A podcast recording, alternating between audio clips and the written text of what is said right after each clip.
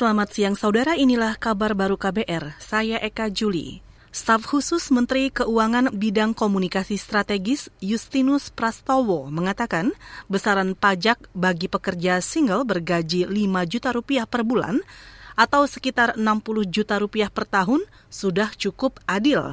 Mereka akan dikenakan pajak penghasilan 5 persen, yakni 25 ribu rupiah per bulan.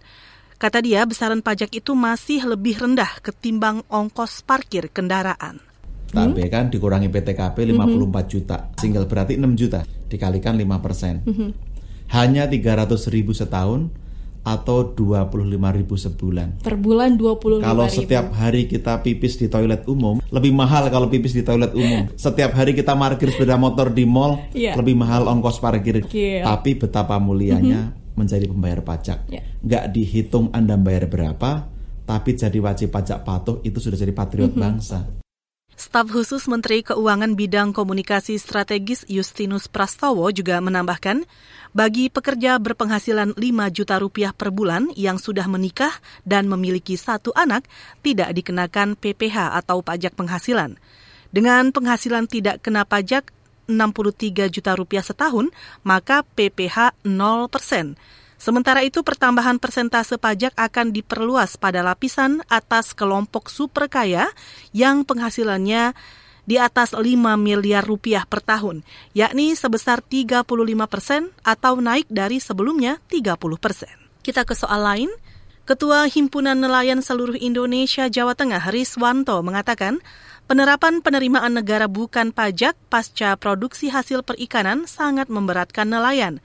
Menurutnya, sekecil apa pun indeks tarif yang ditetapkan, jika penerapannya diambil dari hasil kotor, maka tetap menjadi besar dan memberatkan nelayan. Berapapun indeks tarifnya, sekecil apa pun indeks tarifnya, kalau penerapan itu diambil kotor, itu akan menjadi besar. Itu catatan dan akan kan kami sebagai pelaku usaha dan para nelayan yang berdampak pada berkurangnya bagi hasil karena kami eh, teman-teman nelayan di daerah masih banyak menggunakan sistem bagi hasil. Semestinya Kementerian Kelautan dan Perikanan sebelum menyusun aturan terkait dengan PNBP seyogyanya itu melakukan simulasi. Itu tadi Ketua Himpunan Nelayan Seluruh Indonesia Jawa Tengah, Riswanto. Saudara, kebijakan PNBP pasca produksi diberlakukan pemerintah sejak 1 Januari 2023 dan menimbulkan gelombang aksi penolakan dari nelayan di seluruh Indonesia.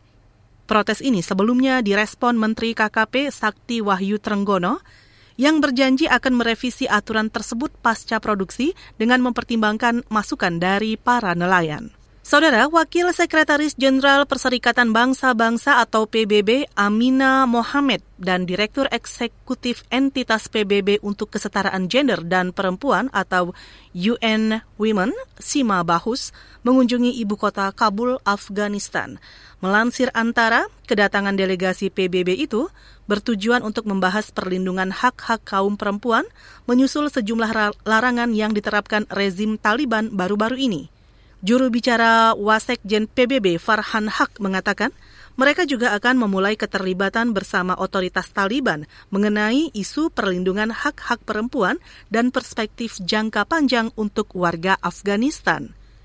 Usai Taliban kembali menguasai Afghanistan Agustus 2021 lalu, ribuan perempuan kehilangan pekerjaan atau terpaksa berhenti bekerja dari lembaga pemerintah dan sektor swasta. Anak perempuan di Afghanistan juga dilarang mengenyam pendidikan sekolah menengah. Saudara demikian kabar baru, saya Eka Juli.